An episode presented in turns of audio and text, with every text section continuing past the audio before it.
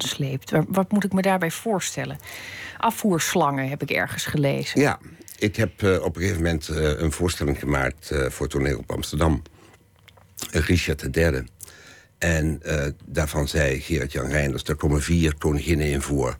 En die moesten eruit zien als operazangeressen. En ik was toen en nog best geïnteresseerd in andere culturen... En ik kwam die uh, Afrikaanse tribes tegen... waarbij die vrouwen die enorme bossen kralen om hun nek hadden. En ik dacht, hoe kan ik dat nou voor die vrouwen uh, realiseren? En uh, toen vond ik de afvoerslang van een, een afzuigkap.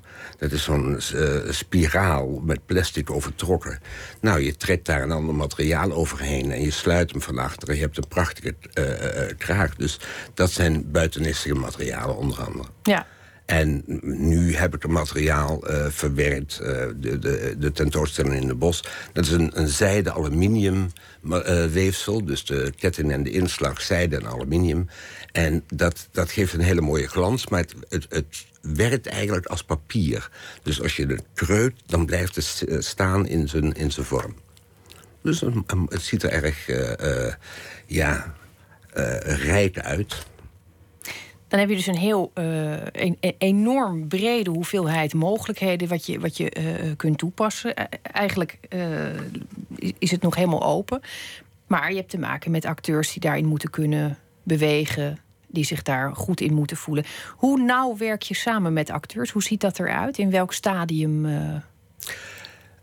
in principe maken wij een soort concept. Dat concept dat, dat zit uh, is gemaakt binnen het artistiek team.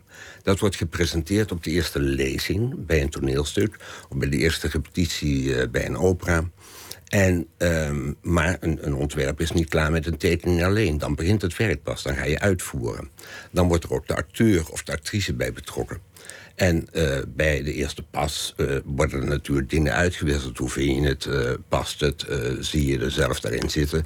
En uh, dan kunnen er opmerkingen gemaakt worden. En die worden dan verwerkt in het uiteindelijke resultaat. Ja. Iemand moet zich daarin happy voelen. Kijk, ik kan wel een hele hoop dingen willen. Maar zij of hij moet het natuurlijk zoveel voorstellingen dragen en waarmaken. Dus dat is wel een groot verschil. En gebeurt het dan wel eens dat een acteur dat, dat, uh, dat, dat, aantrekt en zegt: Nou, dit, dit weiger ik of dit doe ik? Is dat, zijn dat vaak Gaat dat met heftige uh, of gaat het vaak om kleine dingetjes? Mm, ik geloof dat ik kan stellen dat mensen die, die uh, heel erg zeker van zichzelf zijn, zelden problemen maken over hun kostuum. En het, het, het is, heeft heel erg te maken met onzekerheid. En dat uit zich vaak binnen uh, als kritiek op een kostuum.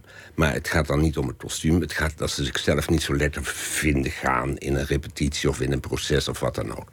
Dus ja, dat is, dat is dan een beetje schipperen. Dat is een beetje, een beetje helpen, stimuleren, activeren. En het, het, komt voor dat mensen er moeite mee hebben, maar uiteindelijk gaan ze er ook wel in geloven.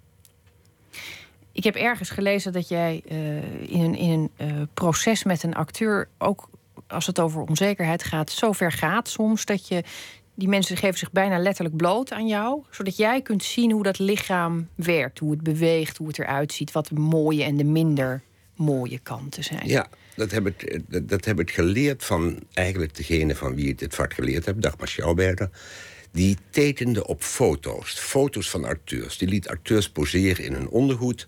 En dan ging, legde ze daarover een kalkpapier. En dan had je de contouren. En dan kon je zeggen, nou, die man heeft zulke dunne benen. Laten we daar... Dat is extra. Dat, dat, dat kun je als kostuumontwerper... We kunnen iemand dikker maken, maar niet dunner. En dat geeft een mooi accent. En dan maak je mensen tot echte mensen op het toneel. Dus dan, gaat het niet, dan maak je gebruik van de lichaamsbouw van een acteur.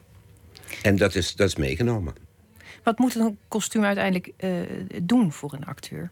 Wat, wat, wat, moet het toevoegen in, je, in jouw optiek? In mijn optiek, uh, ik wil graag dat mensen kunnen geloven in datgene wat ik ze aangeef. Dat dat als zij uh, iets spelen, dat mijn kostuum ehm, ja, een ondersteuning is van datgene wat ze moeten doen. Het gaat niet om, het gaat dan heel erg over de visie die er is ontwikkeld met de regisseur. Dat is vormgegeven in een kostuum. En uh, ja, dat is, dat is een, een, een, een, een, eigenlijk, ja, ik kan het niet anders zeggen als een ondersteuning voor een acteur. Is het wel eens verkeerd uitgepakt? Dat je in de zaal zat en, en, en zag het werk niet? Het, het is, het is, is, dat, is het je ooit overkomen? Dat dat... Ja, dat, nou, ik kan me dat niet herinneren, maar dat is, zal beslist uh, gebeurd zijn. Want ik bedoel, uh, niet alles kan lukken en niet iedereen voelt zich happy in dingen. Maar in principe mag ik niet klagen, nee. Ik heb niet, uh, ik heb niet echt uh, grote problemen daarmee gehad. Het is weliswaar dat ik mensen heb, heb opgezadeld met dingen die niet eenvoudig waren. ik, ik, herinner me een, een, een, een schuin oplopende vloer bij Hamlet met gaten erin. En Petra Lasseur als, uh, als uh, Gertrude... die in een ongelooflijk zwaar kostuum... die schuine vloer af moet lopen. En ik had haar ook nog op couture hele hoge schoenen van nou 15, 20 centimeter gezet. Dus dat was al even niet gemakkelijk. Maar ze heeft het gedaan. Fantastisch. Er is zelfs zoiets als een, een, een, het ringpasje. Oh, dat ken ik niet. Ja, dat, is, dat, dat is dat actrices die doen dan twee stappen naar voren, één naar achteren, om te zorgen dat ze net het tempo halen waarin ze zich nog kunnen bewegen op hakken. En dat is naar jou vernoemd. Oh, je meet het? Ja. Nou, dat is mij onbekend. Je hebt ooit een, uh, een, een, een uh, applaus gekregen voor je kostuums. Een, een staande ovatie. En dat uh, ging om zinsbegoocheling, als ik het ja. goed heb. Ja. Kun je daar iets over vertellen? Zinsbegoocheling was een, een, een voorstelling met, van Toneel op Amsterdam... met Gerard-Jan Reinders, regisseur. En... Um, dat was, ja, dat was uh, uitparten. Dat gaat over een, een, een verhaal. Een vader verliest zijn zoon, is op zoek naar zijn zoon. En vervolgens gaat hij naar een of andere tovenaar. En die tovenaar die laat zien wat, wat, zijn zo, wat voor soort leven zijn zoon leidt. En dat, is, dat wordt hoe lang hoe decadenter, decadenter, decadenter. En uiteindelijk blijkt dat die zoon een acteur is. En alles wat die vader gezien heeft, is dus toneel. Um, dat speelde in een tijd van, met, met pruiken en met uh, barokke uh, kostuums. En ik heb daar waanzinnig kunnen uitpakken.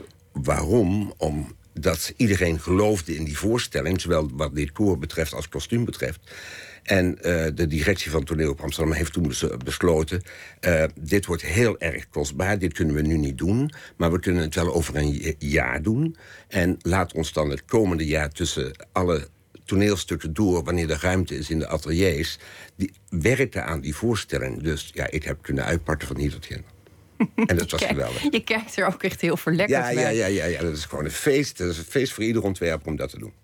Want je bent toch wel heel vaak gebonden aan allerlei uh, wetten en praktische bezwaren, kan ik me voorstellen. Um, nou, er worden, worden wel. Kijk, als, als er op een gegeven moment een voorstelling komt. waarbij er gevochten moet worden. of waarbij mensen heel snel moeten bewegen. dan moet je daar wel een, een oplossing qua kostuum voor vinden. Dat dat ook kan.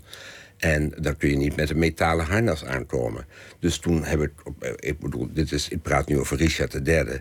Toen heb ik uh, kostuums bedacht van Leitra, die ik helemaal heb laten borduren met knopen. Waardoor het eruit zag als een, een, een, harnas. Maar het was zo elastisch als ik weet niet wat. Iedereen kon zich daar prachtig in bewegen. Dus dat zijn wel oplossingen die je dan moet bedenken.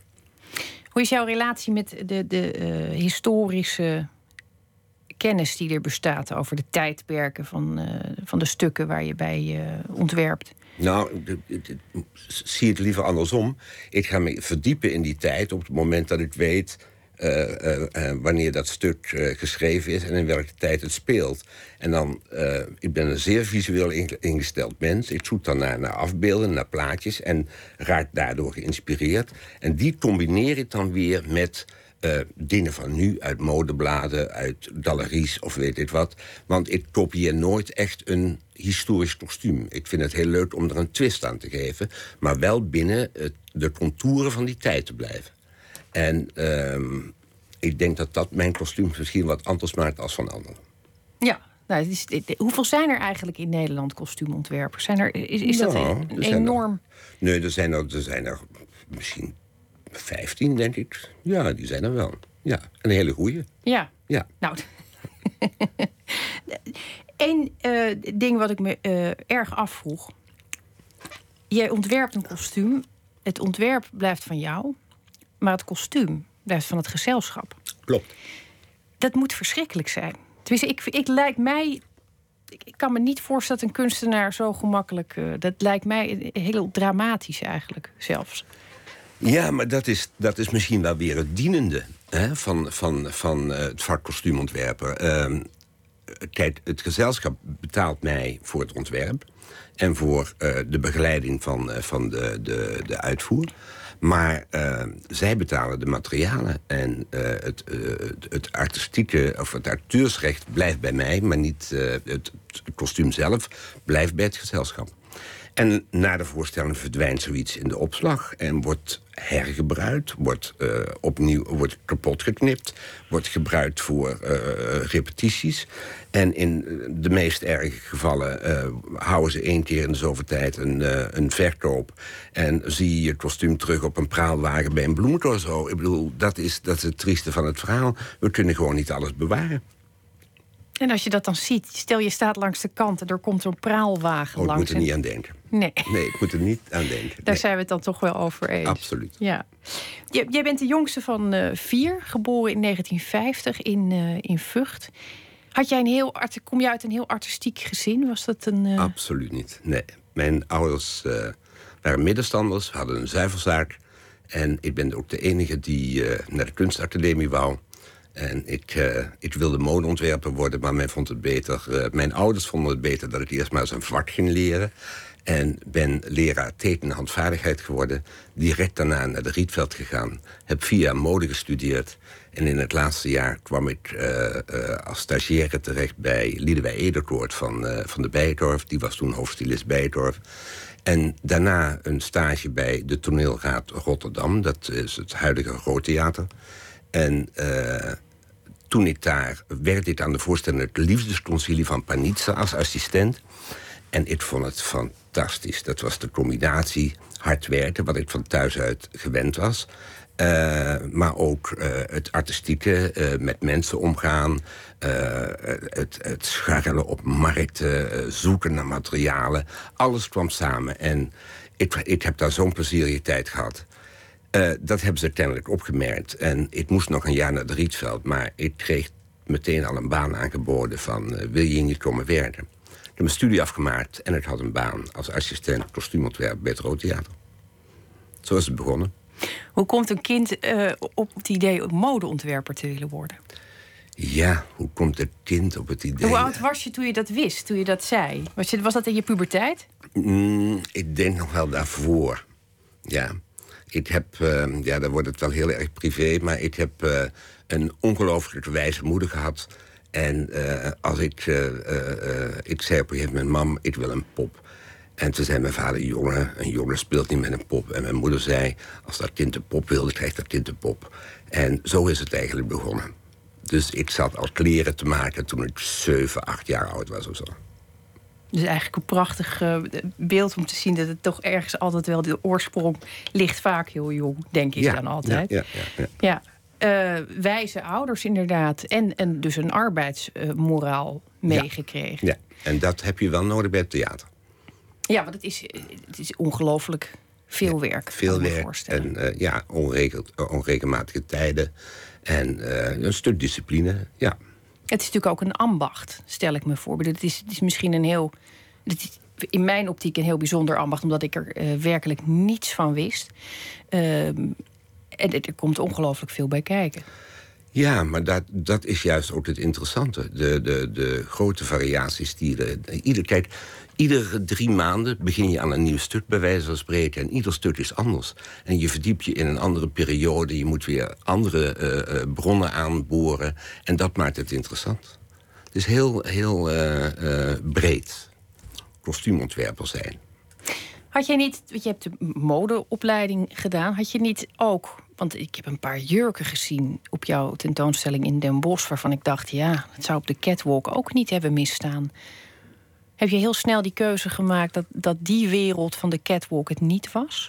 Nou, ik denk dat ik met name uh, gekozen heb voor theater, omdat ik tijdens mijn opleiding al wel in aanraking kwam met modeshows en met mensen en stylisten, et cetera, et cetera. En dat ik dacht, in deze wereld pas ik niet. En dat ik toen, toen dat toneel voorbij kwam, ik heel snel de keuze kon maken van dit wordt het.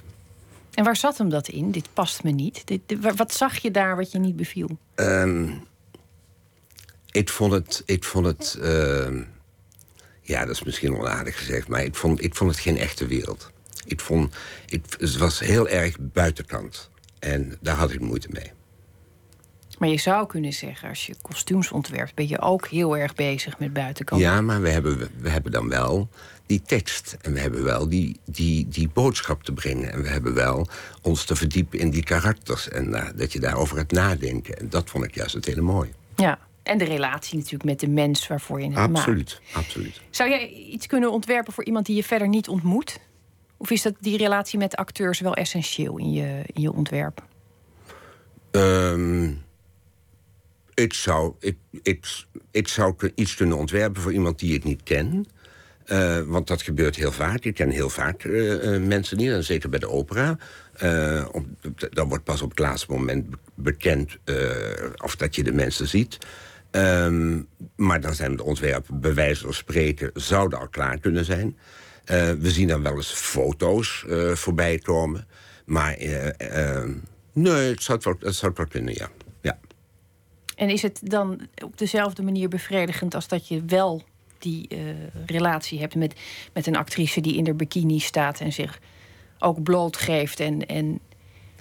Nou, uh, een ontwerp is niet klaar bij een tekening alleen, want op het moment dat je gaat uitvoeren, begint het pas. Dus op het moment dat die persoon er is, dan is mijn ontwerp nog niet klaar. Ik bedoel, dan gaat de persoon erin en dan uh, wordt het afgemaakt, om het zo maar eens te zeggen. Dus het, het, ja, het is een. een ehm, de invulling moet van het persoon komen. de, de, de, de, persoon staat centraal. En, uh, maar het karakter is bekend. Het karakter is bekend vanuit uh, de tekst die wij krijgen. Heb je een favoriet stuk waar je ontzettend. Uh... Nou ja, ik, ik, ik, ik ben met, met Shakespeare uh, door de, de, die ik heb kunnen doen en de ruimte die ik heb gekregen om die in te vullen zoals ik die wilde invullen, ben ik natuurlijk toch uh, uh, heel graag met Shakespeare bezig. Maar er zijn ook andere stukken. Dus nee, ik heb Racine gedaan, Britannicus, heb ik een prachtige voorstelling van gemaakt. En ja, dat, nee, ik heb niet echt specifieke voorkeuren. Erik, Erik of het Kleine Insectenboek is ook de, de film in dit geval. Waar je, ja. Hoe was dat om in te duiken? Want dat is natuurlijk wel iets. Nou, dat was een enorme opgave. Omdat je. Ik geloof dat ik nog nooit zoveel getekend heb als voor Erik of het Kleine Insectenboek. Want hoe kun je in godsnaam van, van een mens een insect maken? En uh, de een naar de andere schets. En het wilde absoluut niet lukken. Totdat ik op het idee kwam, er moet gewoon een achterlijf aanhangen aan iedere acteur. En dat was gewoon de, de, de opening voor alle andere schetsen uh, die er toen ontstaan zijn. En um, om die vervolgens te vertalen in materialen die passen bij het insect. Hè, dat je, een, dat je een, een materiaal kiest wat een beetje hard is voor de, de, de vleugels van een tor. Of dat je uh, haarmateriaal kiest voor het hoofd van een vlieg. Uh, want als je, als je die, die tekeningen van die insecten onder een uh, foto's van insecten onder een microscoop legt, dan weet je niet wat je ziet. Nee, je schrikt je rot waarschijnlijk. Je, je, slaat nooit een mug meer dood. Werkelijk waar. Zo mooi is het allemaal. Dus dat was heel inspirerend, ja. ja. Als je nu uh, de tentoonstelling in Den Bosch bekijkt. En het is, dit is werk wat, je, wat niet gedragen is. Het is op schaal en het is, uh, je hebt daar meer de vrijheid gehad, neem ik aan. Mm Want je kon in dit geval uh, ontwerpen zoals jij het wilde. Zonder dat er een regisseur was of, een, of, een, uh, of, of met de belichting rekening hoefde te houden. Of met de acteurs rekening hoefde te houden. Wat, wat verandert dat als je dan aan het ontwerpen gaat zonder dat er al die regels zijn? Um, nee, er verandert eigenlijk niet zoveel. Ik vind het, het, mijn, mijn, mijn opzet om dit te maken... Uh, was dat het eigenlijk het historisch kostuum hoe langer hoe meer aan het verdwijnen is op dit moment. Maar dat is een tijdsbeeld, dat komt wel weer terug.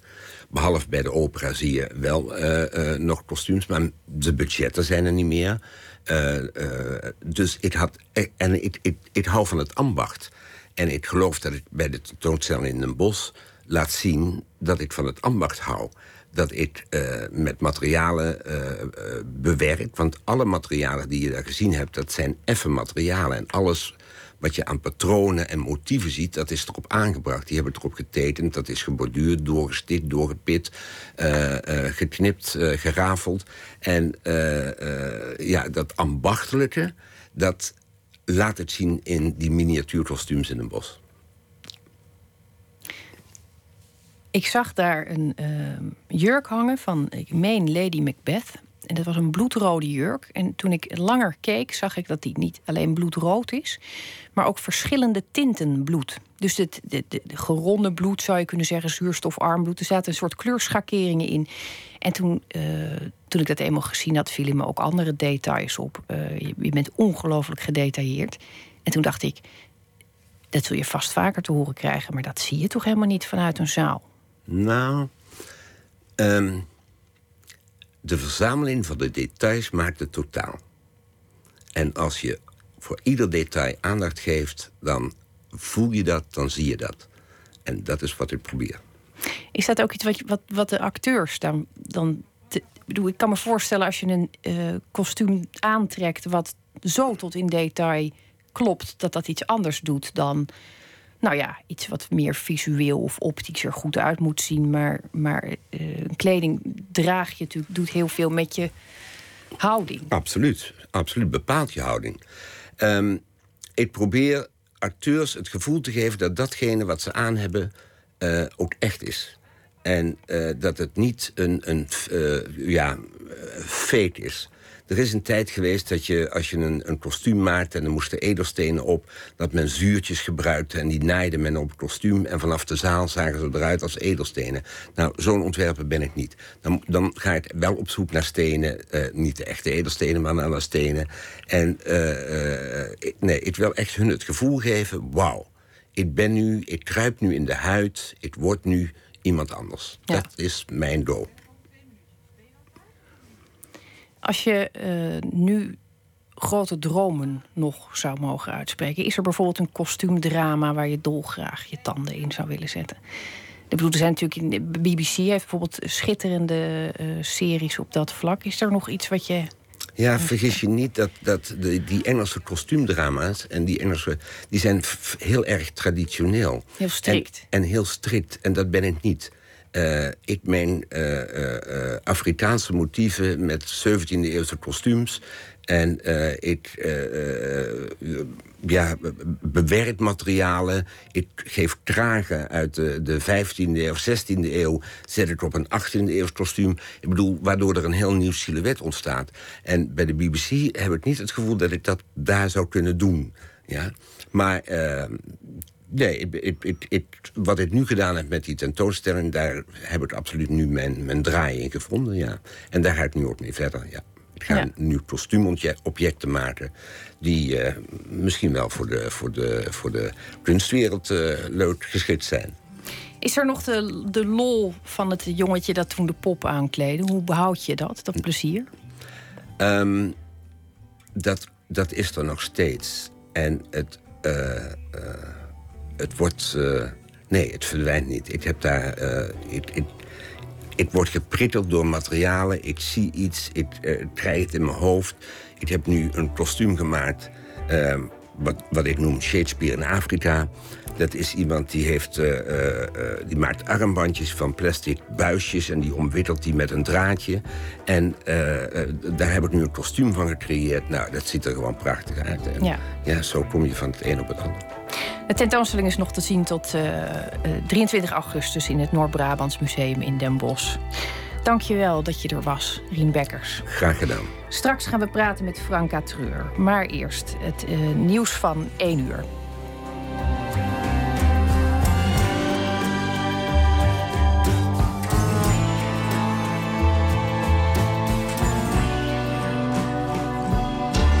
Op Radio 1. Het nieuws van alle kanten.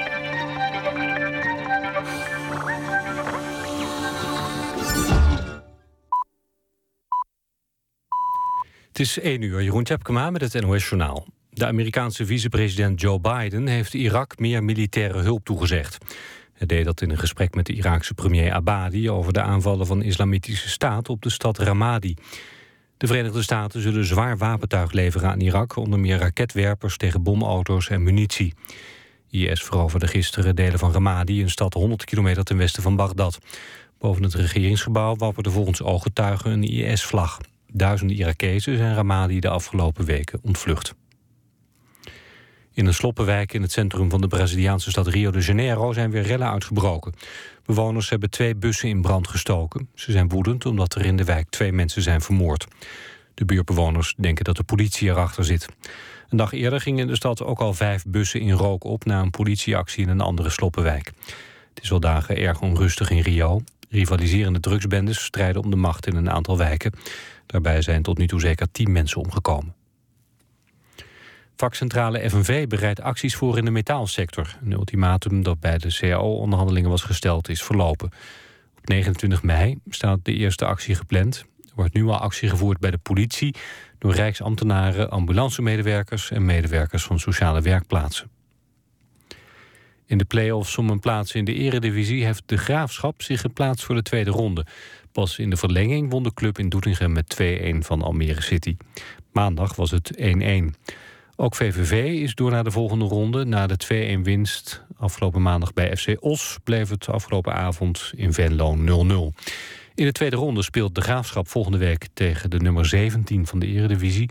en VVV tegen de nummer 16. Het weer, het koelt af naar ongeveer 6 graden. Overdag grotendeels bewolkt met wat regen. In de loop van de middag wordt het droog en breekt nog even de zon door. En het wordt rond de 14 graden. Dit was het NOS Journaal. NPO Radio 1. VPRO. Nooit meer slapen.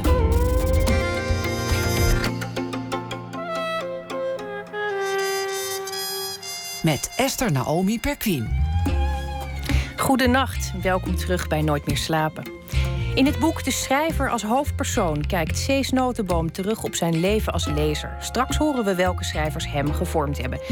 En wanneer is een kunstwerk af? Als kunstenaar moet je zelf maar bepalen wanneer een werk klaar is. Maar wat gebeurt er als je de verantwoordelijkheid bij de koper legt? Met beeldend kunstenaar Aukje Dekker praten we over haar project Stick or Twist. Maar niet voordat we met schrijfster Franka Treur hebben gesproken. Deze week schrijft zij elke dag een korte beschouwing bij het nieuws. Ze debuteerde in 2009 met haar alom geprezen roman Een dorsvloer vol confetti. Het boek werd verfilmd door Talula Schwab. En begin vorig jaar verscheen ook haar tweede roman De Woongroep... over de zoektocht van dertigers naar zingeving. Goedenacht, Franka. Franka? We proberen Franka Treur nog even aan de lijn te krijgen. Nou, we zijn ook op zoek met z'n allen naar zingeving, dat, eh, dat uh, begrijpt u. Uh, we gaan daarom eerst naar muziek luisteren.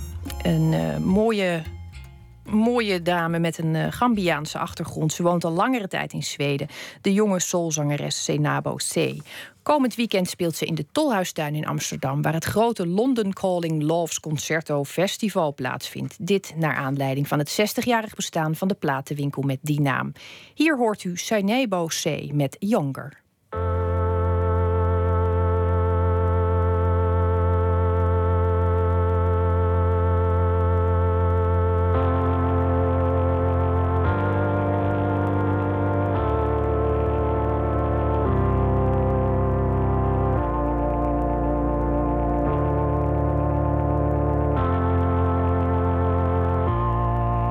There's a conclusion to my illusion, I assure you this. There's no end to this confusion if you let it wish you well. Sold to sell, highest bidders, can't you tell what you're getting? There is a light to all this darkness, I will tell you this. There's redemption in you basking dim, just why it is some answers are better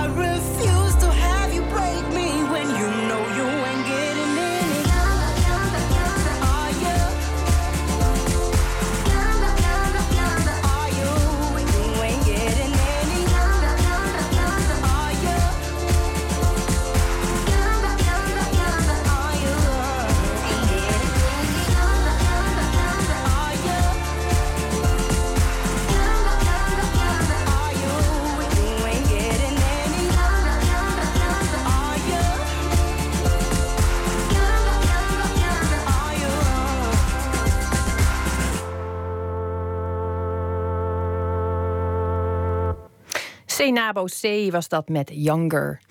En gelukkig is het zover. We hebben Franka Treur te pakken gekregen, onze schrijfster bij het nieuws deze week. Franka, goedenacht. Hoi, hallo. Wat goed dat je er bent. Ja, het is gelukt. Ja. Ik wil heel graag horen hoe, jouw eh, hoe jouw nieuws eh, tot een verhaal heeft geleid vandaag. Ja, ik, ik, ik eh, werd eigenlijk wakker en toen was er meteen het nieuws dat Nederland aanstuurt op een verlenging van de Irak-missie. En dat er nu ook misschien wel bommen op Syrië worden gegooid. Omdat eh, IS in Syrië ook wordt aangepakt. En dat werd steeds niet gedaan omdat er geen mandaat was. En ehm, ik moest eigenlijk denken aan een, een eh, Syrische vluchteling die ik heb leren kennen toen ik vorig jaar een poosje in Amerika zat. Nou, dat En- klinkt als een, eh, als, een, als een eh, goede aanleiding voor een verhaal. Ja, Ik wil het heel graag horen. Ik ga, ik ga het lezen.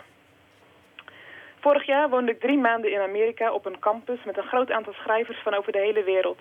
Een van ons, Sinan, dat is niet zijn echte naam, die kwam uit Syrië, maar was zoals zoveel Syriërs naar Libanon gevlucht. Sinan is schrijver, maar had al twee keer in de gevangenis gezeten omdat hij ervan werd verdacht foto's te hebben gemaakt die als bewijs tegen het Assad-regime konden dienen. Een aantal van zijn vrienden zat onder gruwelijke omstandigheden vast. Twee hadden recentelijk zelfmoord gepleegd. Hij deed vrolijk toen we hem leerden kennen, maar je voelde aan alles dat hij getraumatiseerd was. Hij wilde in Amerika graag werken aan een roman, maar kon moeilijk beslissen of dat prioriteit had of niet. De... Sorry. De... ging even de telefoon. De oorlog had al te lang geduurd. Hij was moe. De internationale gemeenschap was alleen bezig met de gruwelen van IS. Het was hem, voor hem niet te bevatten dat men om geopolitieke redenen Assad maar zijn gang liet gaan. Zagen steeds minder. De spaarzame keer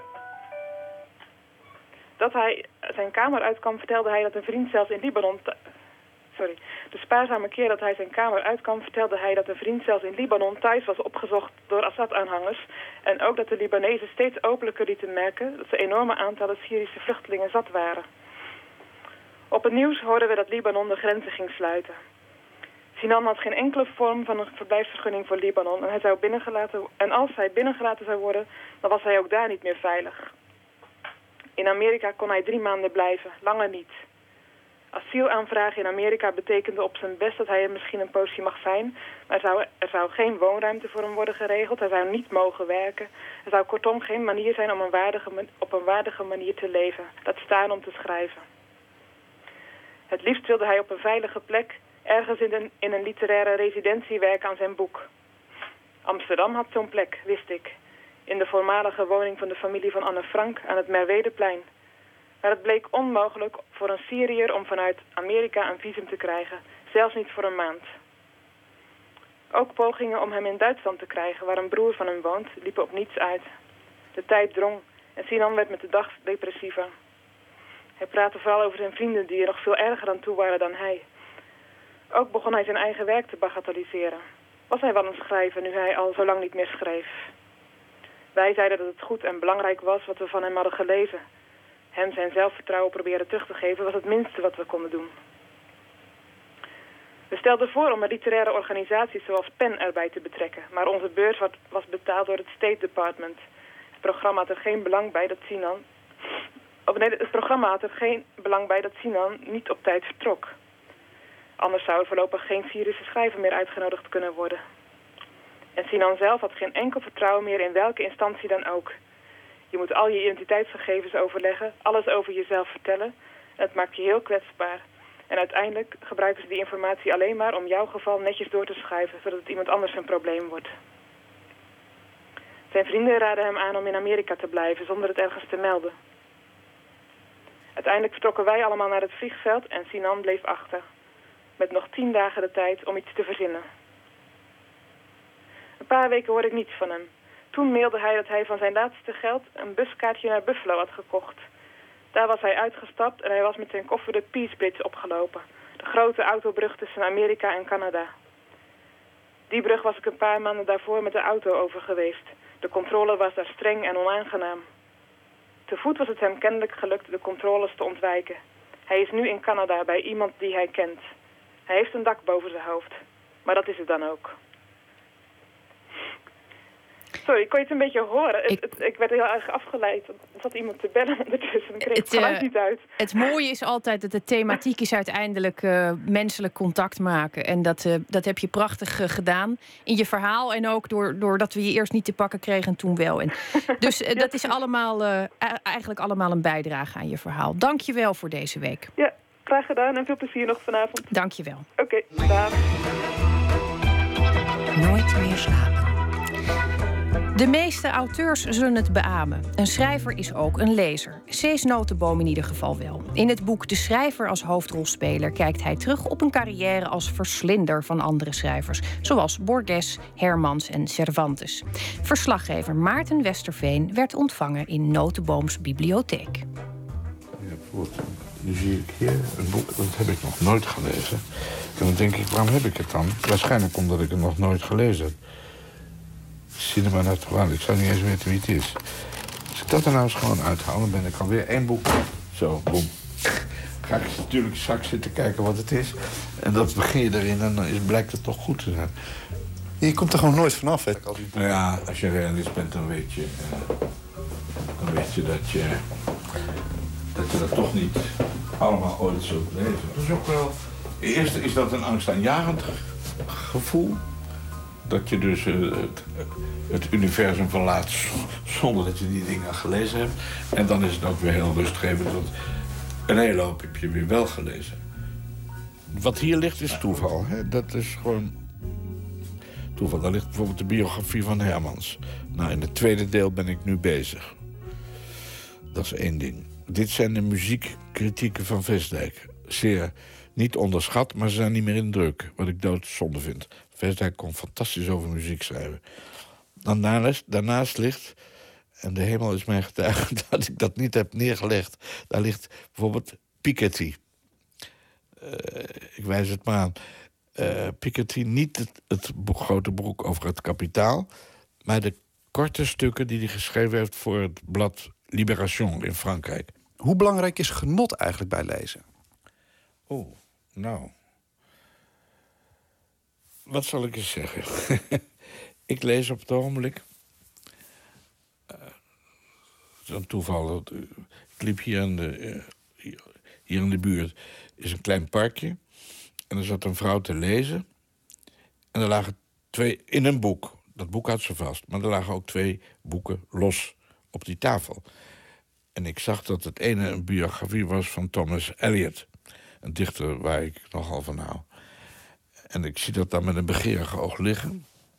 En denk, is dat nou van haar of ligt dat dan gewoon, dat boek? Dus een tijdje later kwam ik weer voorbij. Niet per ongeluk. En zat nog steeds in dat boek van, van haar te lezen. Ik zei, vindt u het erg, mag ik u iets vragen? Is dat boek van u? Zei ze, nee, dat ligt hier gewoon zo.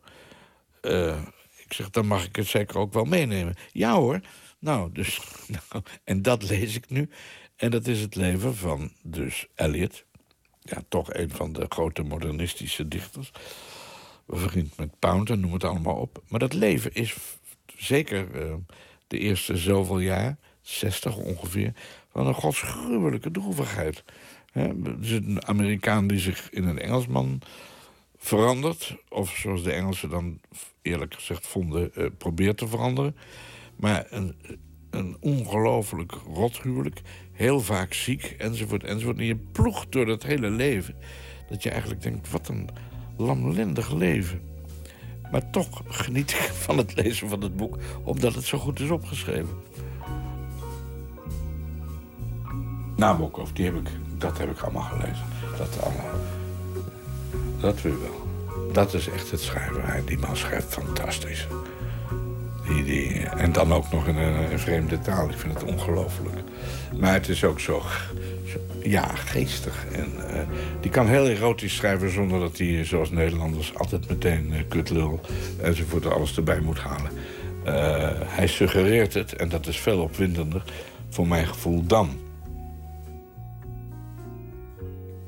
Het grote misverstand is, en dat heb ik gemerkt toen ik een tijd lang een tijdschrift dingen redigeerde, dat mensen denken dat als ze iets heel erg voelen, als ze een groot gevoel over iets hebben, dat dan, omdat het gevoel groot is, dat gedicht automatisch ook goed is. En dat is dus niet zo. En dat bedoel ik met sentimenteel. Dat, uh, en die, dat soort gedichten kun je vaak, niet altijd, hè, denk erom, maar je kunt vaak slechte poëzie vinden boven uh, overlijdensadvertenties. Dat, uh, ja, dat werkt dan niet. Maar met analytisch bedoel ik ook niet dat je gaat zitten analyseren en zinnen en bijzinnen. Nee, maar dat je probeert erachter te komen wat er nou eigenlijk staat. En dat is bij sommige poëzie best moeilijk. Als je Wallace Stevens leest, dan is er echt, daar wordt heel hard op gedacht, maar dan ook nog in een poëtisch idioom. En dan moet je er dus niet door de versluiering, moet je heen kunnen kijken wat er nu eigenlijk bedoeld wordt. Dat bedoel ik met, met um, analytisch lezen. En sentimenteel lezen, dat doe je als je 18 bent. dan uh, lees je Slauwhof met... Ja, en die kon behoorlijk sentimenteel om de hoek komen, ook letterlijk. Dus uh, ja, dat, dat zijn de niveaus waar tussen je beweegt met poëzie. Ik heb net meegedaan aan een boek. Daar vroeg iemand... Uh, dat is een boekje wat net uit is. Uh, en dat heet gedichten waarbij mannen kunnen huilen. Nou, in het begin dacht ik, oh in godsnaam, laat deze kelk aan mij voorbij gaan. Want eh, huilen, dat uh, komt bij mij eerlijk gezegd niet voor. toen heb ik iets gekozen. Nou, ik heb nu gezien wat al die andere mensen gekozen hebben. Er zijn een paar hele verrassende dingen bij. Onder andere Hofland had iets van Derma, wat ik prachtig vind. Maar over het algemeen hebben mensen het gedicht gekozen wat ze gewoon zelf heel goed vindt. Waarvan ik me niet kan voorstellen dat ze er ook echt bij gehaald hebben. Ik heb ook niet gezegd dat ik gehaald heb, ik heb gezegd ontroerd. En het is heel gek, het is een gedicht wat ik ooit hoorde van, nou, dat is nou echt niet mijn stijl van dingen, van Nicolaas Beets uit de 19e eeuw, predikant te Noord-Holland, geloof ik. Nou, en dat gedicht, dus eigenlijk vind ik alleen de eerste vier regels mooi. De moer bij toppen ruiste. God ging voorbij. Nee, niet voorbij. Hij toefde, hij wist wat ik behoefde en bleef bij mij. Ja, dat vond ik ontroerend. En ik zag het voor me. Daar hoef je niet gelovig voor te zijn. Maar het idee van die plotselinge beweging in die struik. En dat zo snel en dan dat rare rijmen, toefde, behoefde. Nou, ik dacht, oké, ik zal wel. Uh, ze zullen wel een lange neus maken met dit uh, gelovige gedicht. En toch vond ik die eerste vijf regels vanuit een hoek die ik totaal niet verwachtte ontroerend. Nou ja, het is ook gek genoeg niet iets wat ik geloof. Alleen, ik zie dat iemand dat gelooft en het dan zo opschrijft. En dat kun je best bewonderen. Dus in ieder geval heb ik dat gedaan. Is het belangrijk voor u nou ja, dat u die schrijver gelooft? Dat, dat hij in ieder geval, hij of zij gelooft in het universum dat hij schept? Dat lijkt me in dit geval wel, eh, ja, wat anders. Ik bedoel, eh, hij schrijft het niet op eh, uit het niks. Hij gelooft daarin. En waar ik naar kijk is niet naar zijn geloof, maar wat hij ermee gedaan heeft. En dat is het verschil. Hij zal er op die manier niet naar gekeken hebben, maar hij moet toch de artistieke mogelijkheid gehad hebben om dat zo op te schrijven. Vanuit iets waar ik dan weer niet in geloof, maar dat maakt niet uit. Is dat ook. ehm, Kijk, ik heb eh, hele essays geschreven over de schilderkunst van Zurbaran. Dat zijn allemaal monniken. Is dat omdat ik zo nodig daarin geloof? Nee, maar ik bewonder hem wel als schilder. Dat, dat, dat hoeft niet met elkaar te maken te hebben. Wie heeft de tijd daarvoor? Ja, dat, weet je, dat, niemand geeft daar een eerlijk antwoord op. Als mensen me vragen, hebben u dat allemaal gelezen? zeg ik nee. Maar ik heb er wel veel uitgelezen en ingelezen. Kijk, Canetti heb ik dan wel. Calvino heb ik heel veel van gelezen. Maar bijvoorbeeld dit, ja, dat koop je eens een keer. Dat je denkt, dat komt wel. De tijd. De tijd. Als je iets leest wat de moeite waard is... dan lees je dat A, gewoon dus ook omdat het de moeite waard is. En dat is dan wat het oplevert. Alleen, je moet er enige moeite voor doen, soms. Eer je erachter bent dat het de moeite waard is. Wat, wat leveren dingen op? Wat word je meer van het zien... eh, ik was gisteren in die Rembrandt tentoonstelling. Nou, Rembrandt hebben we allemaal wel eens gezien... maar hier hingen een aantal dingen die ik nog nooit gezien had. Het was waanzinnig druk. Maar ondanks dat... Ja, en dan zeg je ook, wat levert dat op? Ja, heel raar. Eh, als je eenmaal de idioot die voor je staat met een enorme camera... die probeert een hele kleine ets te fotograferen... en daardoor zorgt dat ik het niet kan zien... dan levert dat ergernis op. Maar als die man dan eindelijk weg is met zijn grote apparaat... terwijl hij de catalogus kan kopen waar het ook in staat... Hè, dan kan ik dat kleine etsje zien. En dan zie je hoe wonderlijk fantastisch dat gedaan is... en hoe mooi het is. Ja, wat hou je daar nou van over? Alleen maar dat. Maar dat is toch heel veel.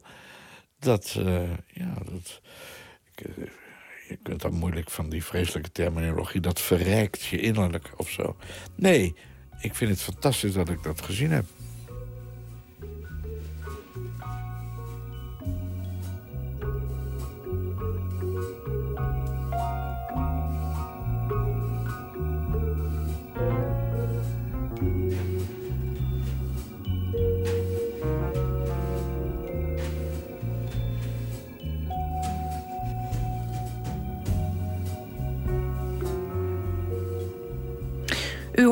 Maarten Westerveen in gesprek met Cees Notenboom over zijn nieuwe boek De Schrijver als hoofdrolspeler, een uitgave van de Bezige Bij. En vandaag werd bekend dat zanger en bluesgitarist B.B. King is overleden. Een ambassadeur van de blues wordt hij genoemd. En natuurlijk een bron van troost voor wie nu eenzaam in bed ligt tussen de klamme lappen. Van B.B. King draaien we There Must Be a Better World Somewhere.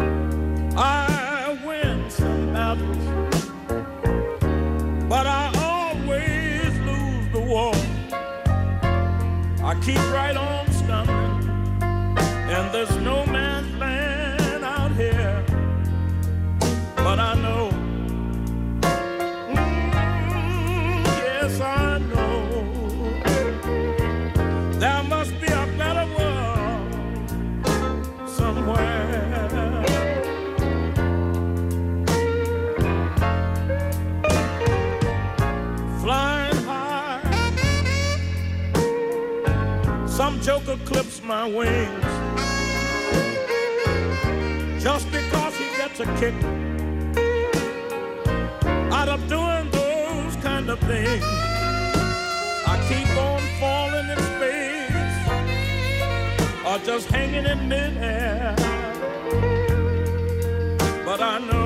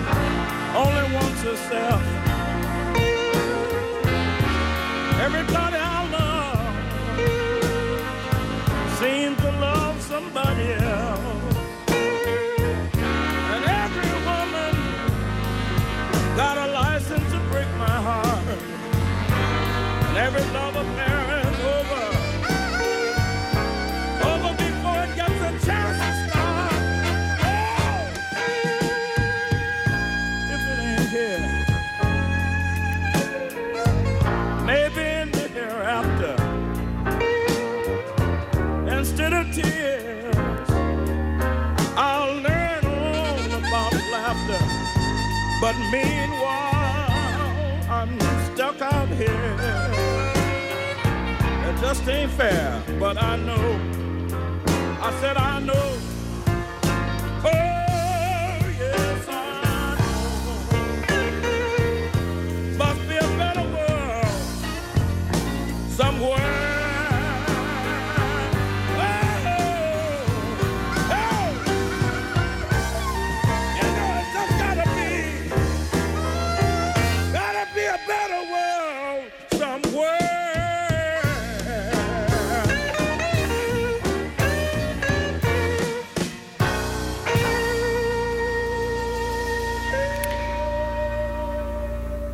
...89 jaar is hij geworden, B.B. King.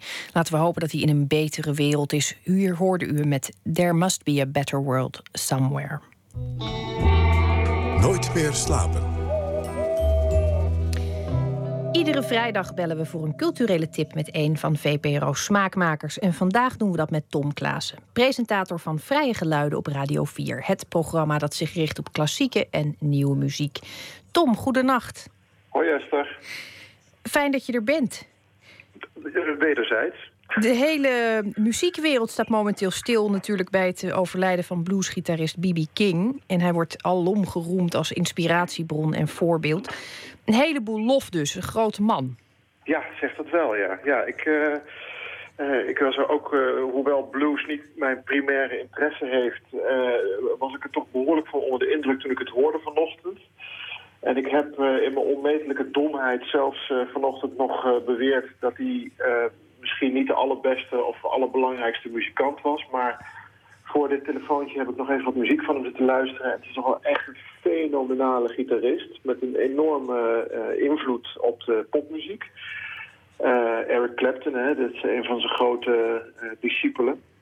En eh, ja, er zit toch ook wel echt een lekkere, vette snik in zijn stem. en Zo. Hij is toch ook echt wel heel erg goed. Hij is niet voor niks, eh, hij wordt niet voor niks de king genoemd. Dus je bent eigenlijk teruggekomen van je oordeel van morgen. Nou ja, weet je wat het is? Eh, Hij is gewoon... Hij is natuurlijk 89 geworden en hij is tot op hele hoge leeftijd ook blijven optreden. En hij heeft ook echt een tweede leven gehad in, in de jaren 80 en 90. Toen hij samen met U2 een plaat heeft gemaakt en zo. Toen begon hij ineens weer hits te maken. Terwijl zijn vorige hits stamden uit de jaren eh, 50 en 60. Ehm, dus ik, ik, ik vond altijd een beetje eh, dat hij... Ja, hij had het gewoon heel erg lang uitgehouden. Terwijl heel veel bluesmuzikanten die zijn heel vroeg dood gegaan. Die zijn allemaal... eh, eh, of eh, vermoord door een vrouw, of eh, hebben zichzelf om zeep geholpen met drank of drugs, of weet ik veel wat voor verschrikkelijke dingen. En B.B. King die bleef maar leven, leven, leven. En dan word je vanzelf een levende legende, bij wijze van spreken. Ehm, maar dat is, toch, eh, dat is toch echt te weinig eer, zeg maar. Dat, eh, eh, dat, zijn, zijn, invloed is toch, reikt toch verder dan alleen maar zijn hoge leeftijd en zijn ouderdouwers. Ja. Het was in ieder geval een onvermoeibare muzikant. Kun, kun jij nog heel iets zeggen over zijn, over zijn jeugd? Waar, waar is hij begonnen? Ja, hij heeft echt het, uh, het klassieke bluesmuzikantenverhaal. heeft hij. Uh, hij is uh, net oud genoeg om nog op een plantage te zijn opgegroeid in Mississippi. Geboren in 1925 op een, op een katoenplantage. En als kind plukte hij ook katoen voor een ongelooflijk laag bedrag natuurlijk. enorme uitbuiting. En van de predikant in de kerk heeft hij geleerd gitaar te spelen. En vervolgens is hij straatmuzikant geworden... En uh, uh, eigenlijk hetzelfde als die eerste lichting bluesmuzikanten... waar Charlie Patton bij horen en Robert Johnson... de, de vormgevers van de moderne muziek, zeg maar. Uh, en hij heeft op die manier geleerd om muziek te spelen. Zijn eerste hit stamt, geloof ik, uit mijn hoofd uit 1949... En in de jaren 50 werd hij echt een van de belangrijkste namen van de rhythm and blues muziek. En hij speelde ontzettend goed gitaar. Uh, Rolling Stone rekende hem tot een van de beste gitaristen ter wereld. En uh, dan heeft hij een hele lange reeks hits gehad gedurende de jaren 50 en 60. En toen was het eigenlijk op een gegeven moment een beetje over. En in de jaren 80 was hij ineens weer helemaal terug. Het is een uh, grote erfenis die hij nalaat. Ja, daar, zijn we, daar, daar, kunnen we ons nog een hele tijd in wentelen, gelukkig. Ja. Ik wil heel graag met jou praten over de pianola. Ja, dat kan ik me heel goed voorstellen. Daar wil ik ook heel graag over praten. Wat is dat voor apparaat? Vertel me daar alles over. Ja, nou, de, de, de pianola is eigenlijk uh, een, een, beetje een... Uh, nou ja, goed, heel veel mensen hebben er een beetje een raar beeld bij. Hè? Pianola komt over op heel veel mensen als een soort lomp, log, lawaai makende neppiano. Die je kent uit de strips van Lucky Luke. Hè? Een beetje een, een instrument uit de saloon.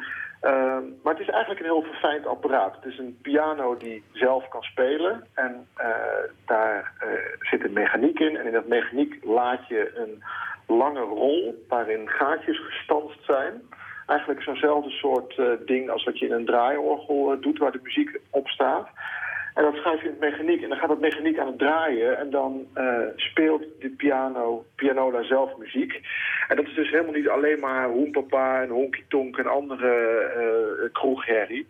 Maar uh, dat is ook als een pianola goed afgesteld is en goed gemaakt is... en er zit natuurlijk een goede rol in... dan komt daar fantastisch mooie muziek uit. En dat zou op zich nog niet eens zo bijzonder zijn waar het niet dat de pianola rond 1900 zijn intrede deed. Dus voor de tijd van uh, radio en de tijd van platen en zo. En componisten, beroemde componisten uit die tijd en beroemde pianisten uit die tijd hebben zelf die rollen ingespeeld. Dus uh, als je die rol uh, tegenwoordig in een pianola duwt en je drukt op het mechaniek en je zet hem aan, dan hoor je de pianist uit 1900 spelen. Dat is wel uh, te gek. En beroemde componisten zoals Maurice Ravel en Frans Liszt en zo, die hebben allemaal rollen ingespeeld. En dat is de enige manier waarop we tegenwoordig nog kunnen horen hoe hun eigen spel klonk. En dan nog foutloos ook, stel ik me zo voor. Ja, er zullen ongetwijfeld uh, ook gemankeerde rollen in het haardvuur zijn beland. Maar uh, de, de, rollen die uiteindelijk in, de rollen die uiteindelijk in productie zijn genomen, die zijn inderdaad foutloos. En een goed afgestelde pianola speelt ze ook foutloos na. Dus het is helemaal niet uh, alleen maar het saloon-instrument wat, je er, wat, je, wat je verwacht. En het is, het is heel verfijnd en ook heel erg mooi apparaat. Het is een beetje een jongetjesding. Ik was van de week in de wijk bij Duurstede. Daar is de Nederlandse Pianola Sociëteit. En uh, daar mocht ik uh, aan de apparaten zitten. En uh, het wemelt van de mechaniekjes en de tandradertjes. En alles is aan te raken en kapot te maken en zo. Dus het is toch ook wel... het is erg leuk om te zien. Een jongensdroom. Ja, ik kan het me heel goed voorstellen. hoor. Ik, ik heb ook zoons die dat dolgraag open zouden willen schroeven. Ja. Er komt zelfs een heel festival omheen, begreep ja. ik. Ja, sterker nog, het is al bezig. Aan de Westerstraat in, uh, in Amsterdam, in de Jordaan, daar is een Pianola Museum. En uh, de mensen van het Pianola Museum die baalden een beetje van dat lullige imago van die pianola waar ik het net over had. En die hebben dus samen met die Sociëteit in Wijk een Pianola Festival georganiseerd. En dat is afgelopen donderdag begonnen en het duurt tot en met zondag.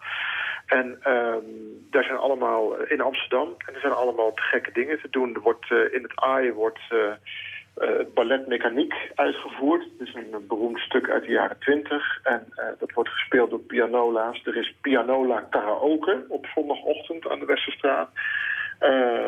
Nou ja, en, eh, nog zo wat eh, andere mooie dingen. En het Prisma strijktrio, eh, dat is een strijktrio, die spelen met de pianola uit de wijk bij Duurstede ehm, muziek van een componist wiens naam ik nu even vergeten ben. Sorry. maar, dat is wel, maar dat is wel heel leuk. Eh, Google is uw vriend. Het eh, Pianola Festival heeft een website. Zoek het vooral op en ga kijken.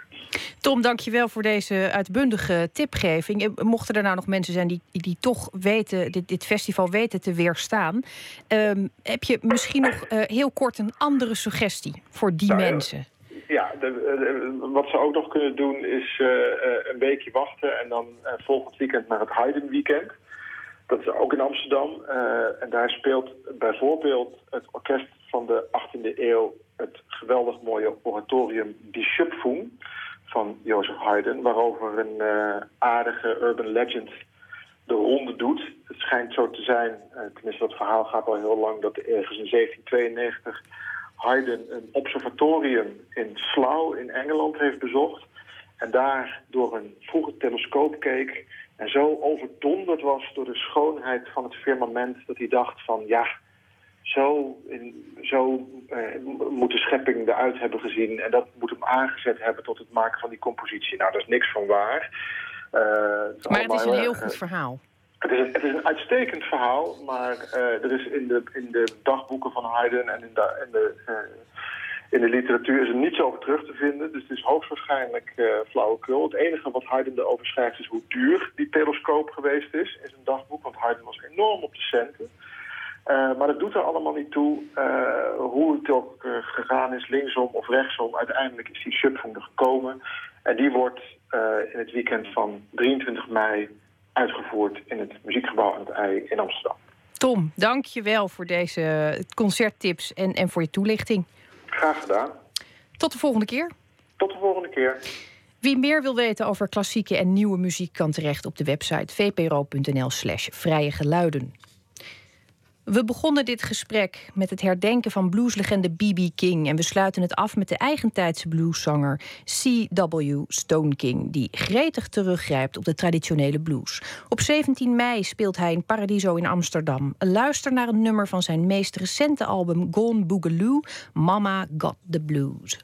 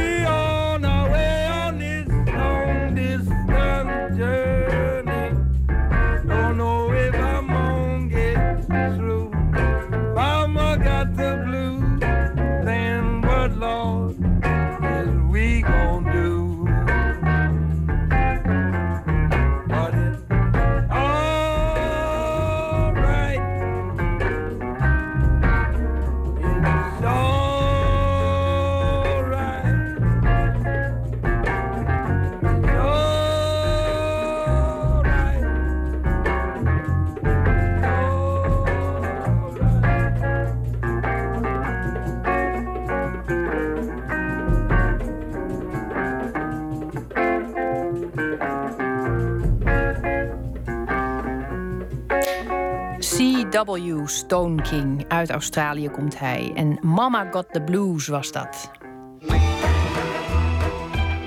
Nooit meer slapen. Wanneer is een schilderij eigenlijk af? Normaal bepaalt een kunstenaar dat natuurlijk zelf. Aukje Dekker draaide de boel om. Zij verkocht 20 lege doeken aan 20 verschillende kopers, onder wie schrijfster Maartje Wortel en schouwburgdirecteur Melle Damen. Nu schildert ze net zo lang tot deze kopers vinden dat het werk af is. Stick or Twist heet het project. Aukje Dekker werkt er aan in een galerij op de Wallen in Amsterdam. Emmy Collau ging er langs. Stick or twist, dat komt eigenlijk van eh, het kaarten in Engeland. Het is een soort term van hou je kaarten bij je, dat is stick. Of twist je voor meer. Dat is eigenlijk pas of, of doorgaan. De galerie waarin Aukje Dekker werkt is omgetoverd tot atelier. Op een lage tafel liggen tubes verf en kwasten. Voor het raam aangebroken flessen cola, wijn, half leeggegeten zakken chips en pakjes sigaretten. Op de entresol een oud, beslapen matras. Het is duidelijk, hier is een kunstenaar aan het werk. Aan de muren twintig doeken met dezelfde schildering, maar dan in verschillende fasen. Alles wat je ziet is af. Dus als je naar een museum gaat of uh, whatever, je ziet gewoon iets, je kan er iets van vinden, maar wat het is, is wat het is. Zo dacht ik, ja, het zou eigenlijk ook wel heel mooi zijn als je dus niet zelf bepaalt wanneer het af is. Want zo'n proces, zo'n proces, daarin heb je ook heel vaak een punt dat je denkt, uh, oh, het is eigenlijk mooi, maar ik moet eigenlijk door of het is nog niet af. En dan, en dan soms verpest je het juist door wat je hebt gedaan, dan kan je nooit meer terug. En dit is eigenlijk dus bijna een soort x-ray van één schilderij, want, je, want, want alles is er nog wat eronder zit normaal. Ze zijn al als leeg canvas voor 150 euro verkocht aan 20 kopers die geen idee hadden wat ze zouden gaan krijgen. Dekker schildert en elke week dat ze er langer aan werkt, kost het de eigenaren 50 euro. Ik ben op een punt, maak ik een foto van. Dat, die foto van dat schilderij krijgen ze allemaal. Dan hebben ze 48 uur de tijd om een beslissing te maken. Uh, stick or twist. Dus uh, stoppen of doorgaan. En als ze stoppen, dan is, het, is dat stadium, dat, dat, dat punt in het proces, dat is van hun. Dat haal ik dus uit de reeks. En met de rest, die betalen meer om mij ook door te laten schilderen. Links de werken die klaar zijn. Tenminste, volgens hun kopers. Zij kozen voor stik. Eén iemand zelfs al na een week. Dat werk is nauwelijks beschilderd. Ik was heel blij met de eerste stap, want eigenlijk al halverwege het idee van de eerste stap dacht ik: ja, maar dit is wel tof. is dit één. is één. Dus dat is boven een soort crème wit, onder spierwit. Ja, en dan... gewoon een canvas is het nog, zonder kleur. Dus geen verf op de onderkant. En dan met potlood, ja, een abstract werk zou je het kunnen noemen. Ik vind het nog steeds supergoed. ik kijk ernaar. Deze, hij, ik ben er nu meer dan twee maanden ben ik, ben ik ermee en hij verveelt me nog geen moment. Nee, het zijn twee uh, vierkanten met een rastertje. Ja, het is echt heel minimalistisch. ja. ja, precies. Heel minimalistisch, ja. Dus zo ben ik, hè? Ja. ja dat uh, de galeriehouder ook zei, ja, maar kom op man, je kan niet in potlood komen, dit is echt te minimaal. En, uh, maar dat je een soort gut feeling hebt. En dat, die intuïtie, dat besef je steeds meer hoe belangrijk dat is in zo'n ding. Omdat er zijn zoveel meningen, er zijn zoveel keuzes. En soms voel je iets en denk je, ja, maar dit, dit is volgens mij wel goed. En dat is lekker. En toen mailde je die foto naar die twintig mensen en zei je, nou, ja. stick or twist. Maartje Wortel, die, uh, die stopte. En het was ook wel... Uh, het was bijzonder ook, omdat alles was toen nog nieuw. Je bent echt best wel zenuwachtig, al sowieso. Omdat niet iedereen het eens was met deze stap om op te loaden. Want hij was best wel minimaal, is hij. En dan, als er niemand uitgaat, is het soort van... zie, ik had het niet moeten doen. Maar als er dus iemand uitgaat en dan ook nog Maartje Wortel uit... het, het was... En... Uh, dus ik dacht wel, ik voelde me echt ook verraden. En tegelijkertijd is het heel grappig dat ik voelde me dus verraden. En da daarna gelijk dankbaar. Want zij is de enige die is gestopt. En dat is dus ook zo bijzonder. Omdat als zij niet was gestopt, hadden we hier nooit over kunnen praten. Want dan had hij niet bestaan. Dat is waar, ja. En verraden bedoel je dan dat je ergens je dacht van... in de race afhaakte. Om, omdat ik dacht, maar we gingen toch een reis maken. Maatje, waar, waar ben je? Maar ook dat je denkt van... Uh, ja, denk je dan dat het alleen maar slechter kan worden dan dit? Ja, oh ja, want ze, ze had als argument ook, ze had hele mooie argumenten hoor, maar ze was bang voor blauw op het doek. En ze zei, ehm, het is net als in de liefde soms het mooie om iets te willen dan het te hebben. En dat hier zit nog een, echt een belofte in. En zoals je ook ziet bij stap 2 wordt die al vrij snel wel ingelost of zo.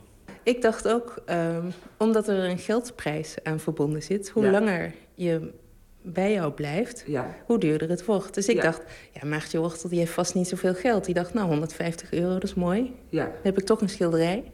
Ja, het is 200, want alleen het lege doek, je kon ook het concept kopen.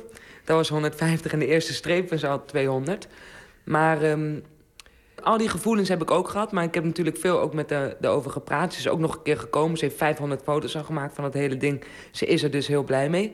Maar die, ehm, zij had ook voor zichzelf een prijs in de hoofd. En dat was veel hoger eigenlijk dan dit. Zij had ook angst. Alleen het was dus bij haar, en dat is wel mooi, ook een gut feeling. Nee, ik ben niet meer beledigd. Nee. Maar tegelijkertijd, dat je dat geld eraan verbindt... dat heb je natuurlijk niet voor niks gedaan. Nee. Want het zegt Nee. ook iets over de verhouding kunst en geld. Precies. Maar dat geldding, dat zat er aan ook... Ja, mensen, volgens mij, ik weet dus ook nooit zo goed wat ze precies denken... maar haten mensen me ook soms. Het, het feit dat er, en het is in principe ook een miniem bedrag... Hè, maar dat er dus wel een element van geld en dus voor hun ook risico aan zit... maakt het wel, want anders kan ik gewoon een soort hofknar zijn... die zij lekker hun hele leven lang door kunnen laten schilderen. Ja, toch? Ja, dat kan ook nog. Ja. Dat je hier over drie jaar nog steeds in dit Ja, atelier precies. op de Wallen zit. Ja, ja het, het kan. Het kan niet echt, want eh, ik pak even een peukje hoor. Maar dat. eh Meijer heeft al gezegd van. Meijer is de galeriehouder. Die, die had al gezegd dat. ehm eh, er komt op een gegeven moment gewoon een andere expositie ook. En ze gaan ook dicht in juli. En eh, volgens mij begon iedereen zich een klein beetje zorgen te maken ook van hoe de, de grootte van dit project, hoe lang het nog kan duren. Aan de rechtermuur de werken die nog in de race zijn, om het zo maar even te zeggen. Acht keer twee meisjes met afro-kapsels kijken je stuurs aan. Een beetje angstaanjagend wel. Als je langs al die schilderijen in verschillende stadia loopt, krijg je het gevoel een beetje in het hoofd van de kunstenaar te kunnen kijken. Je ziet de aarzelingen, de overwegingen. Hier is de achtergrond bijvoorbeeld nog kleurig en druk. En in de volgende fase opeens weggeschilderd om plaats te maken voor een strand. En de strakke kapsels maken plaats voor afropruiken. De kostuumjasjes voor jaren 70 regenjassen. En ze doet het waarschijnlijk niet, maar het zou zomaar kunnen. Een roller pakken en alles wegschilderen. Er waren op een gegeven moment was er wel een punt dat er e-mails ook kwamen van... goh, ja, de laatste paar stappen zijn niet naar onze smaak. Maar ja, we gaan wel door, weet je. En, en dan lach je er ook om, omdat je denkt, ja... Weet je, je hoeft voor mij niet... Je doet het zelf, alleen je moet er ook aan denken. Dus je, je, je moet heel erg trouw zijn aan jezelf. Maar ja, ik weet wel precies voor wie ik dit maak. Het is geen anoniem publiek. Ja, sommigen ken ik niet echt natuurlijk, maar... En... ehm, Dus die mensen kijken constant over jouw schouder heen eigenlijk, Ja. als je aan het werk bent. Ja, ja maar, ze, maar ze zijn dus niet. Ze proberen niet echt invloed uit te oefenen. Wat ik ook wel heel bijzonder toch vind. Dus ze zeggen wel een beetje. Maar kan jij dat van je afschudden dan? Moeilijk. Stel je voor, we kijken nu naar dit en er komt net één koper langs en zegt: Oh, maar ben jij aan het pieterputtelen, zeg. Ik had echt wel verwacht dat ik er nu een beetje wild zou gaan. Dan zeg ik, nou ja, eh, eh, en dan gaat hij weg en denk ik, "Oh, ik ben aan het pieterputtelen, zeg. Het is niet dat er één iemand komt, hè, of twee. We zitten hier op de wallen. Er komen gewoon 30 mensen per dag. Je leert nog meer dat je dus aan die intuïtie, hoe belangrijk die intuïtie is. Waarom vinden kunstenaars het zo moeilijk om te bepalen of iets af is? Dat het een van de weinige, nou ja, dus kunstenaars in muziek en in, in alle dingen, een, een subjectief beroep is. Ja, bij de Albert Heijn, als je moet afrekenen, dan weet je dat als er geen boodschappen meer op dat dingetje liggen en het bonnetje is weg, dan kan die persoon weg. Maar dit is niet. eh, Ja, het is eigenlijk al als je met die boodschappen dan thuis gaat koken, dan weet je ook niet van, oh, er kan nog iets zout bij, of moet ik hem nu al Ja, uitzetten? precies. Of Het is er- is de is- pasta nog niet helemaal gaar? Nou. Ja. En dan overkook je hem en dan heb je spijt. Er zijn volgens mij maar weinig dingen die gewoon af zijn. Alleen op een gegeven moment moet je denken, genoeg is genoeg. Het is ook je werk om te bepalen wanneer het klaar is. Ja, ja. Het is ook je professionaliteit. Ja, maar dat, maar dat is echt een heel goed punt. Want in die zin zou je ook als kritiek hierop kunnen hebben... Ik bedoel, moet jij dat niet voor ons beslissen? Snap je? Dit is al, dat is toch mijn taak? Dat ik zeg, weet je, je, je zit op de kunstacademie... en ik kan nog herinneren dat ik echt niet kon wachten tot het klaar was omdat je dus continu moet verantwoorden waarom je iets geel hebt gemaakt en niet rood. En ik altijd dacht van fuck, maar als je dus eraf bent, hoef je dan is gewoon, dan is het rood omdat jij hebt bedacht dat het rood moet zijn. Punt, klaar, uit. Weet je wel, Picasso, niemand zou er ook ooit over zeggen. Oh, wel gek dat hij dat oor uh, daar. Nee, dat was zijn. En dan wordt het een soort onderdeel van je eigen idioom. En dus het is waar dat ik bij dit dat weer totaal ontkracht. Ja, het is een beetje dat je naar een restaurant gaat en dat de chef de hele tijd komt vragen van... "Nou, zal ik nog wat langer? Of vind je het niet wel goed Ja. genoeg? Ja, precies. En mijn restaurant is ook wel een goed voorbeeld. Maar dan wel zoiets gastronomisch of zo, dan zou ik dat ook wel heel tof vinden eigenlijk. Weet je, je, je, je betaalt belachelijke bedragen dan voor een eh, soufflé of zo. En dat dan die kok de hele tijd komt, een beetje koriander. En dat je opeens denkt, omdat zit aan te zeiken. Weet ik van, ja, ik vond het een beetje zoutloos. En nu mag je. En dan, eh, dan kan je het opeens niet. Ik, vind dat, ik zou het eigenlijk, ik vind wel een goed project. Want ik zou het ook tof vinden in een restaurant.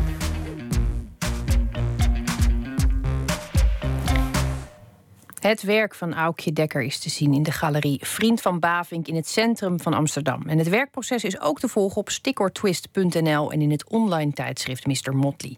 Een bijdrage was dit van Emmy Colau. Uit Brooklyn, New York komt de band The National, bestaande uit twee broers, nog twee andere broers en een zanger. Onlangs verscheen een nieuw nummer. Hier is Sunshine on My Back.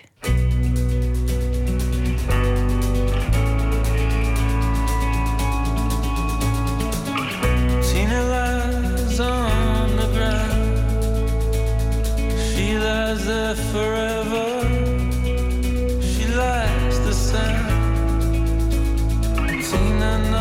The devil.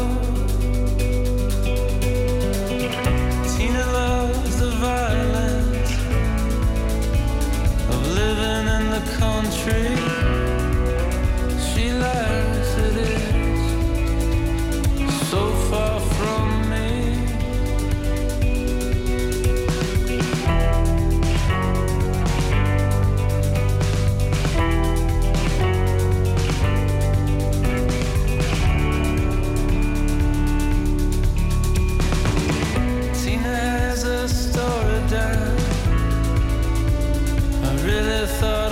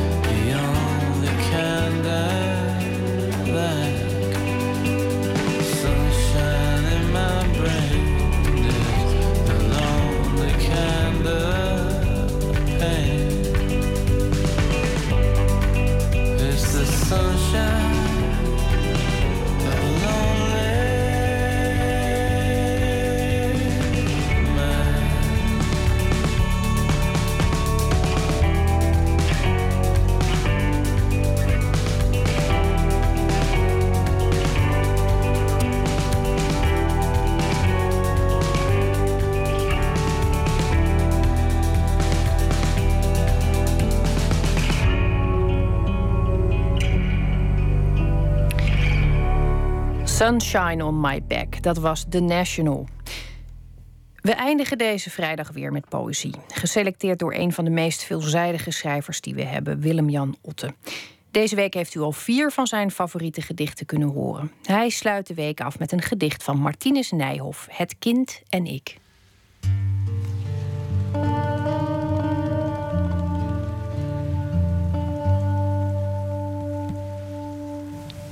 Met dit gedicht heb ik alweer meer dan twintig jaar geleden succes gehad bij mijn kinderen, bij het slapen gaan. Er komt het woord moedeloos in voor. En ik neem aan dat ik het aan de jongens heb uitgelegd wat dat was. Veel heel mooie poëzie komt voor uit moedeloosheid, uit niet helemaal goed weten hoe nu verder en waarom. Het gedicht is van Nijhoff en het heet Het kind en ik. Ik zou een dag uit vissen.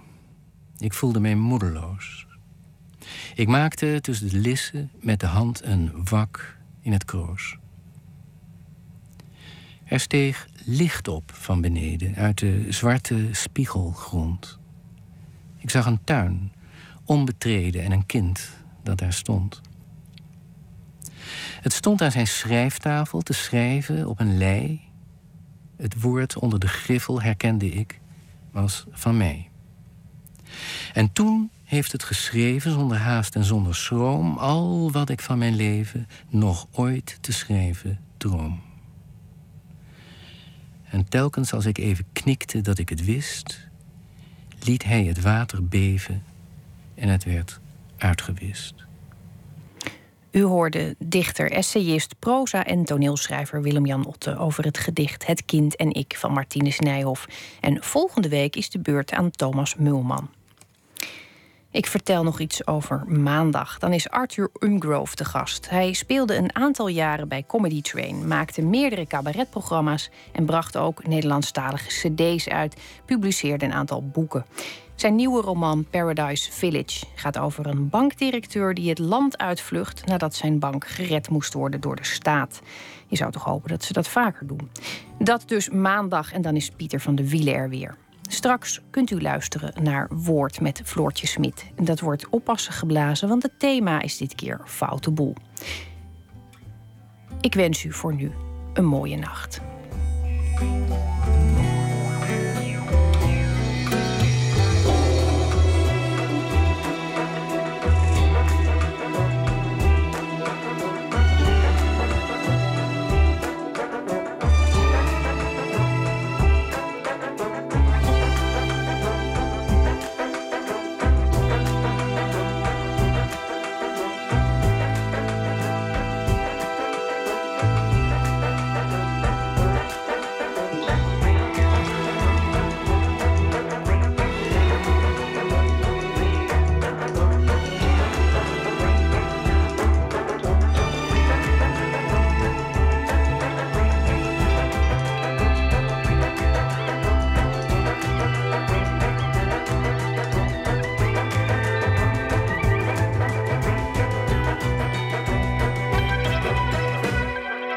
Radio 1, het nieuws van alle kanten.